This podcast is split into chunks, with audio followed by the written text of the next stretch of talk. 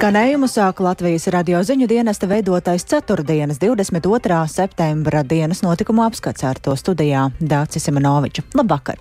Un sāksim ar ieskatu dažos tematos. Pēc nozīmīgas gūstekņu apmaiņas Ukrainā visā frontes līnijā aizrit asiņainas kaujas. Krievijas karaspēka okupētajās teritorijās Ukrainas austrumos un dienvidos turpinās gatavošanās viltus referendumiem par pievienošanos Krievijai.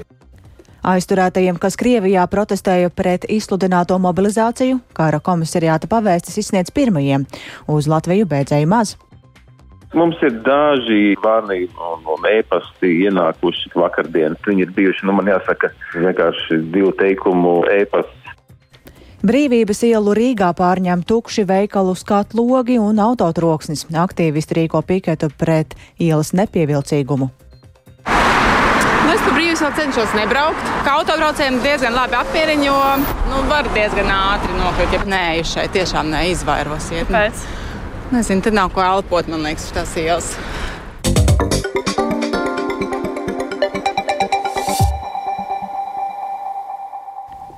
Krievijas sāktais karš Ukrainā turpinās jau 200, 211. dienu. Visā frontes līnijā notiek kaujas starp Ukrainas aizstāvjiem un iebrucējiem, bet Krievija turpina apšaudīt Ukrainas pilsētas ar raķetēm un artilēriju. Aizvadītajā naktī notika arī viena no nozīmīgākajām gūstekņu apmaiņām starp Ukrainu un Krieviju. Tikmēr Ukrainas prezidents Volodimirs Zelenskis uzrunājot ANO ģenerālo asambleju aicināja starptautisko sabiedrību sodīt Krieviju par tās asiņainajiem noziegumiem. Vairāk stāsta Uldis Česberis. Krievijas karaspēka okupētajās teritorijās Ukrainas austrumos un dienvidos turpinās gatavošanās viltus referendumiem par pievienošanos Krievijai. Kremļa kontrolētie mediji vēsta, ka pašpasludinātajās Tautas republikās Donetskas un Luhanskas apgabalos kā arī okupētajās Zaporīžas un Hersonas apgabalu daļās tā saucamās vēlēšanu komisijas veicot pēdējos priekšdarbus, lai rīt varētu sākties balsošana, kas norisināsies līdz 27. septembrim. Zaporīžas apgabalā esošās okupētās pilsētas Melitopolis mērs Ivans Fedorovs aicinājis okupētajās teritorijās dzīvojošos vīriešus vecumā no 18 līdz 35 gadiem nekavējoties doties uz Ukrainas valdības kontrolētajām teritorijām.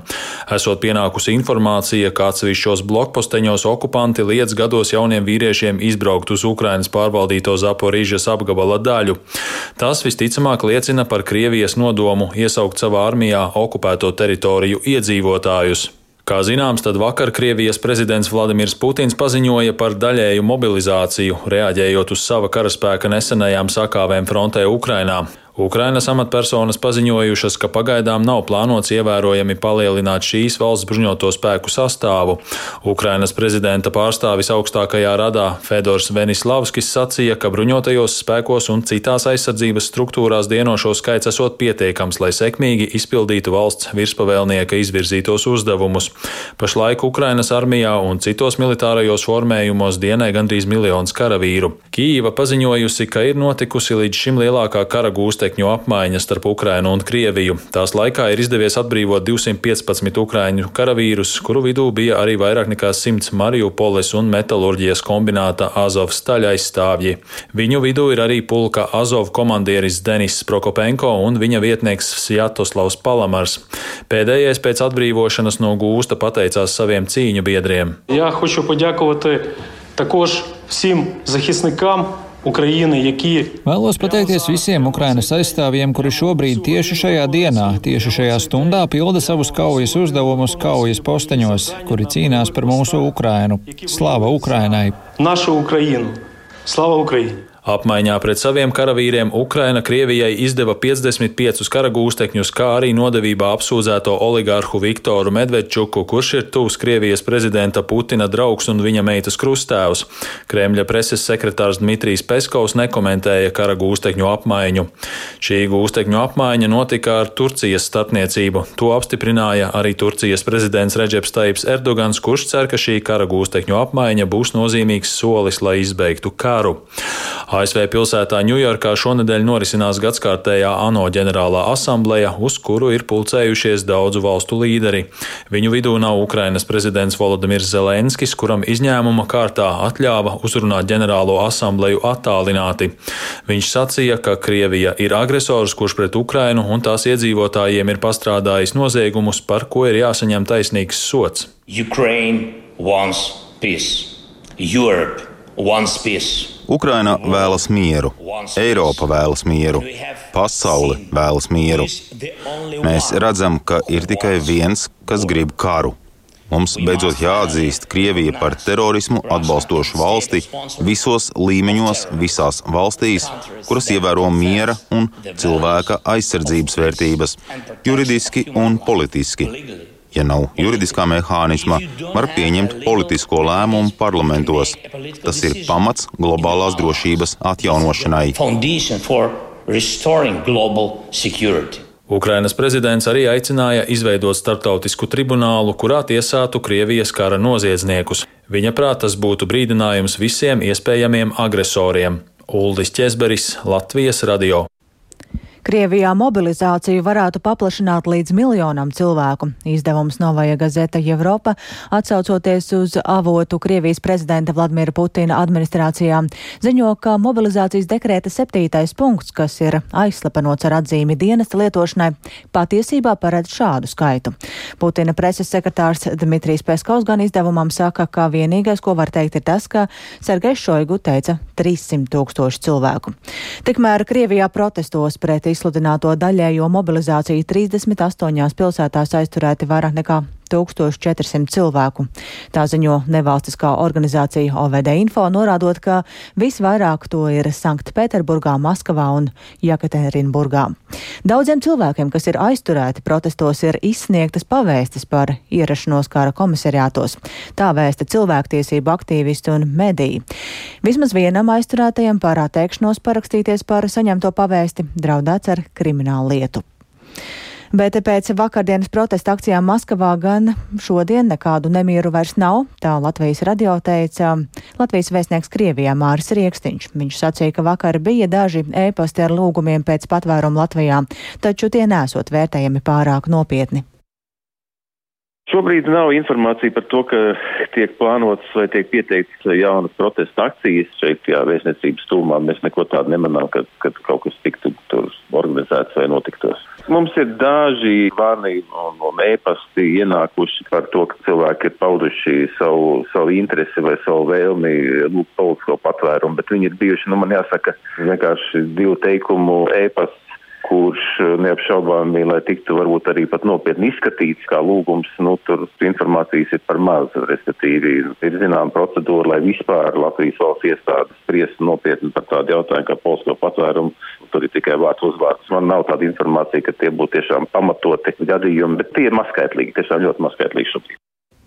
Un ņemot vērā Krievijā izsludināto mobilizāciju, valsts drošības dienests aicina Latvijā dzīvojošos Krievijas valsts piedarīgos nekavējoties informēt dienestu jau, ja tiek saņemta pavēste par iesaukšanu Krievijas armijā. Drošības dienests atgādina, ka publiski paustā informācija liecina, ka Krievijas sāktajā karā Ukrainā ir plānots iesaistīt Krievijas bruņoto spēku rezerves karavīrus un visus, kuri kādreiz dienējuši Krievijas armijā. Latvijā dzīvojošajiem par iesaistīšanos kara darbībā darbībā draud krimināla atbildība, tā uzsver drošības dienests un vairāk stāsta Edgars Kupčs.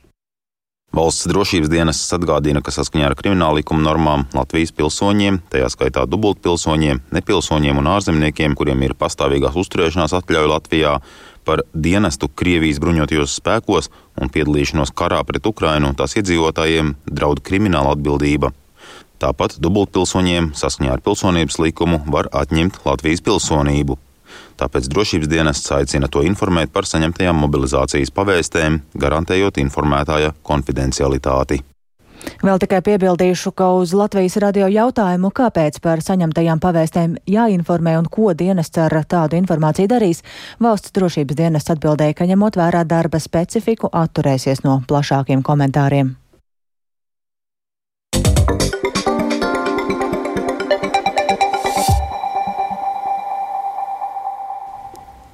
Termiņu uzturēšanās atļauju izsniegšanai Krievijas un Baltkrievijas pilsoņiem turpmāk būs stingrāki nosacījumi. Saima šodien galīgajā lasīmā lēma par grozījumiem imigrācijas likumā. Tie pārēdz mainīt termiņu uzturēšanās atļauju pieprasīšanas un pagarināšanas kārtību Krievijas un Baltkrievijas pilsoņiem. Kā stāsta atbildīgās komisijas deputāts Edvins Šnore no Nacionālās apvienības, šīs izmaiņas varētu skart ap 50 tūkstošiem Latvijā dzīvojošo Krievu. Citiem ārzemniekiem, lai saņemtu pastāvīgās uzturēšanās atļauju, bija nepieciešams valodas, piemēram, prasība. Lūk, tagad mēs visu šo privileģēto stāvokli atceļam un piemērojam viņiem parasto kārtību. Un līdz ar to, ja viņiem līdz šim, nu, faktiski viņi varēja aizmirst par jebkādiem, nu, es šeit dzīvoju kā Krievijas pilsonis un man ir viss krieviski un man Latvijas nekas nav jāmāk, es šeit dzīvoju savā vidē, pašpietiekamā un līdz ar to man nekas neinteresē. Šajā gadījumā ir valodas prasība. Ja tu gribi šeit turpināt dzīvot ar pastāvīgās uzturēšanās atļauju, nu, tad ir jānokārto valodas prasība zemākajā līmenī. Ja nesanāk, ja, nu, tad attiecīgi jābrauc prom. Saima nodevusi atkārtotai izskatīšanai atbildīgajā komisijā jauno pašvaldību likumu. Skatīs tikai punktus, kas saistīti ar vietējo iedzīvotāju vēlētām padomēm, par ko iebildumus izteicis valsts prezidents Egils Levits. Vairāk Jāņa Kīņša sagatavotajā ierakstā. Jau kopš jaunā pašvaldību likuma izstrādes valsts prezidents Egils Levits uzstāja, ka līdz ar novadu reformu jātop arī iedzīvotāju vēlētām padomēm, kas varētu pārstāvēt vietējās kopienas intereses saziņā ar pašvaldību un pašas izlemt lokālas nozīmes jautājumus. Tādējādi arī mazinātu nomaļu efektu novados. Taču saima pašvaldību likumā nav paredzējusi šādu vietējas pārvaldības modeli. Tā vietā pēc vidas aizsardzības un reģionālās attīstības ministrijas priekšlikuma pašvaldību likumā paredzēts, ka vietvarā var izveidot iedzīvotāju iedzīvotāju padomes, kur kompetenci un iespējas nosaka dome. Šāda veida risinājums neapmierina valsts prezidentu, kurš arī saimnes rudens sesijas pirmajā sēdē uzsvēra vēlētu padomju nozīmi. Pašvaldību likumam, kas jāpieņem vēl jums šajā saimnes sasaukumā.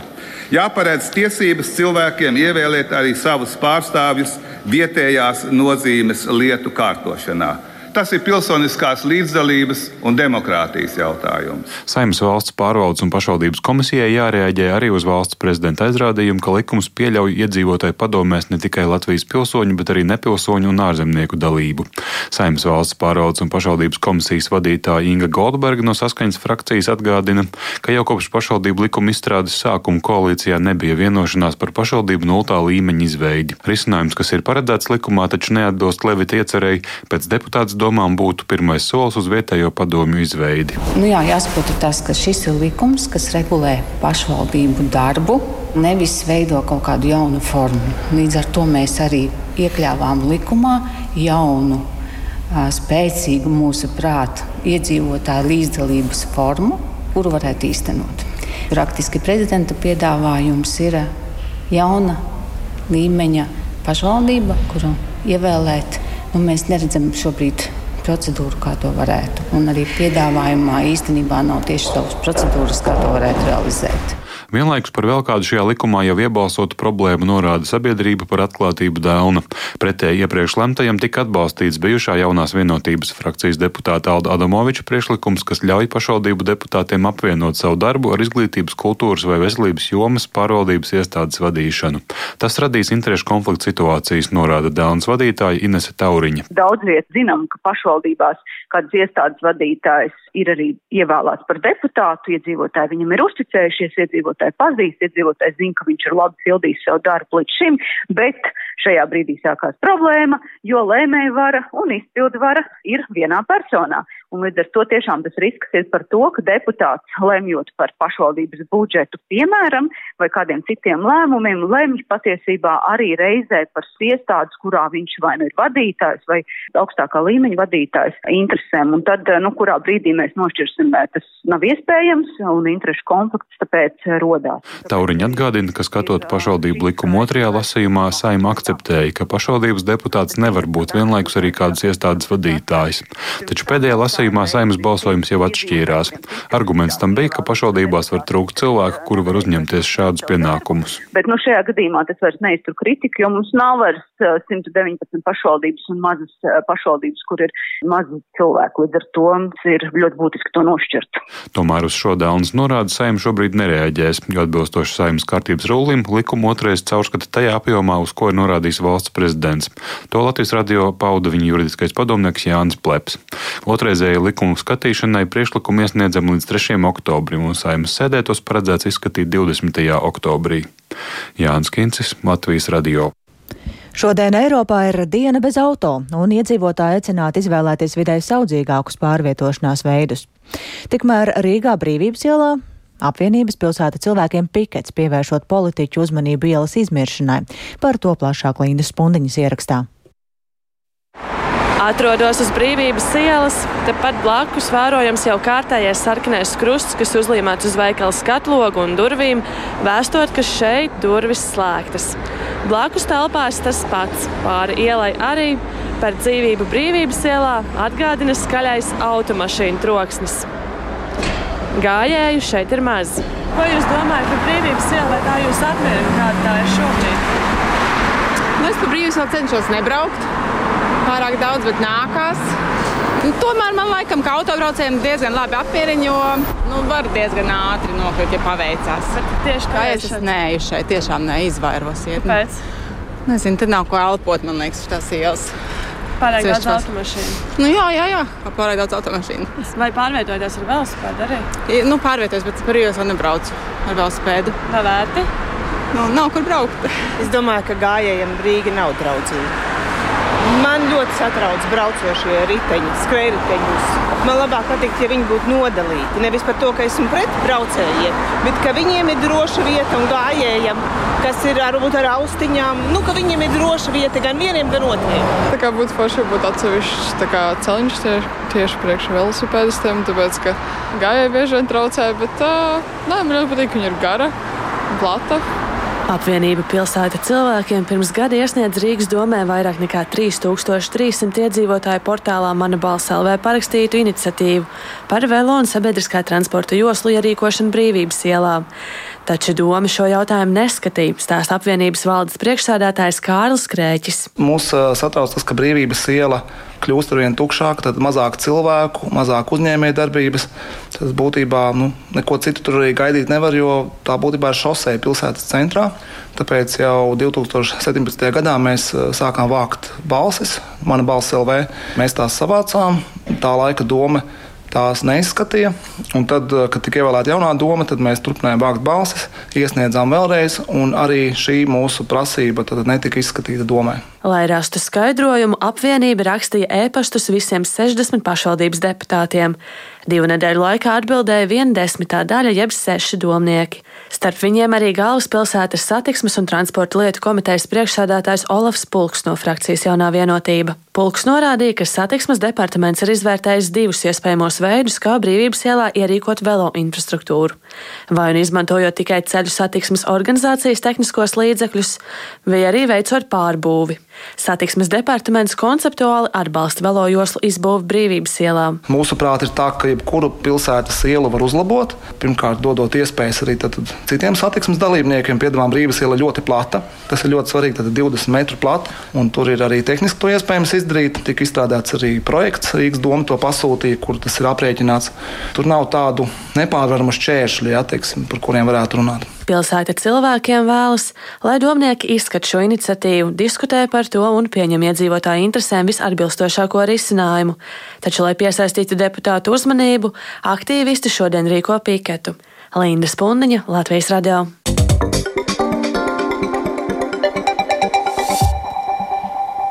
Irānā nerimstot iedzīvotāju plašajiem protestiem pret sieviešu tiesību neievērošanu un varas iestāžu visatļautību šodien ierobežota interneta pieejamība. Sociālajiem tīkliem bija būtiska nozīme, lai iedzīvotāji varētu paust neapmierinātību ar režīmu rīcību un organizēt demonstrācijas. Protesti turpinās jau sesto dienu, un tos izsauca jauna sievietes nāve pēc tam, kad viņu arestēja policija par nepareizu tradicionālās galvas segas hijāba valkāšanu. Turpina Uldis Česberis. No šodienas Irānā ir bloķēta piekļuve sociālajam tīklam Instagram un saziņas vietnei WhatsApp, ko plaši izmantoja protestu dalībnieki. Irānas telekomunikāciju ministrija paziņojusi, ka tas darīs drošības apsvērumu dēļ. Iepriekš Islāma republikā tika bloķēti arī sociālie tīkli Facebook, Twitter un TikTok, video apmaiņas vietne YouTube un saziņas rīks Telegram. Demonstrāciju laikā starp protestētājiem un drošībniekiem ir izcēlušās sadursmes, kurās dzīvību ir zaudējuši vismaz 17 cilvēki. Francijas policija atklājusi lielu cilvēku kontrabandistu tīklu. Tas nodarbojās ar nelegālu cilvēku pārvadāšanu pāri Lamanšu šaurumam. Reida laikā ir konfiscētas vairāk nekā desmit laivas un 700 glābšanas vestes. Kontrabandistu tīklu vadīja Irākas kurdu izcelsmes iebrucēji, kuri darbojās no Francijas ziemeļos esošās Lielas pilsētas. Plašāk stāsta Arčums Konohaus. Francijas policija ir izvirzījusi apsūdzības pret trim irākiešu vīriešiem un trim franču personām par cilvēku kontrabandu uz Lielbritāniju. Varas iestādes saka, ka viņi līdz šim nav sastapušies ar tik vērienīgu tīklu. Kontrabandisti tiek turēti aizdomās par 80 braucienu organizēšanu pāri Lamanša šaurumam šovasar. No tiem 50 braucieni ir izdevušies, katrs ļāva noziedznieku grupai nopelnīt aptuveni 80 tūkstošus eiro. Šogad jau vairāk nekā 28 tūkstoši cilvēku ir nelegāli devušies bīstamā ceļā pāri Lamanša šaurumam.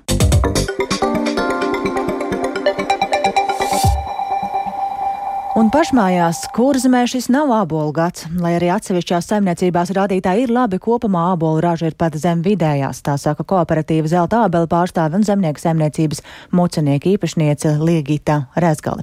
Viņa turpina par šī gada izaicinājumiem. Šis gads ļoti īpatnējs un izaicinājumiem pilns varētu novērtēt kopumā. Pavasars bija augsts, pēc tam atkal bija trīs mēneši ļoti karsts un pilnīgi sauss.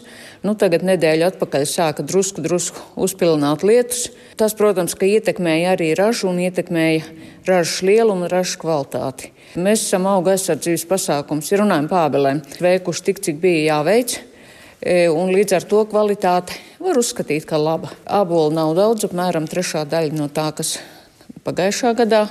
Nu, vairāk ir e, šķirnītēm Anteis un Belaruskai Maļīnovai un Zarjāla Tau. Pārējām ir ļoti, ļoti niecīga. Vasaras šķirnēm praktiski nav raža. Mēs tagad savos dārzos, kur netiek lietot nekāda auga aizsardzības līdzekļa, skatāmies, kā ābolu šogad diezgan daudz ir sapujuši. Un um, vispār ābolu citās ābolās vispār nav. Bumbieri arī diezgan slikti izskatās. Jā, protams, slimības izplatījās daudz. E, rudens pusē puves, vasarā kraupis līdz, līdz jāņiem apmēram. Tad ir tas kritiskais periods. Nu, jāsmidzina bija vairāk nekā citas reizes, bet tikai pavasarī. Kā, nu, par atliekām māpolos var nebaidīties, jo tikko mums pārtiks veterinārais dienests e, paņēma paraudziņu, un e, paraudziņš ir atzīts par labu, nekādas atliekas tur nav atrastas. Un vēl par sportu Latvijas futbola federācija Rīgas doma un Eiropas futbola jumta organizācija UFA Rīgā parakstījusi nodomu protokolu par Nacionālā stadiona būvniecību. To plānots būvēt Lucausalā. Futbola federācijas prezidents Vādims Ļaščenko atzina, ka finansējumu stadiona būvniecībai varētu gūt no sadarbības partneriem un sponsoriem. Konkrētas summas viņš neatklāja, norādot, ka vēl ir jāvienojas par konkrētu vietu, jāizstrādā plānojums un jāveic citi sagatavošanas darbi. Turpina sporta žurnālists Mārtiņš Kļavs. Kļavinieks.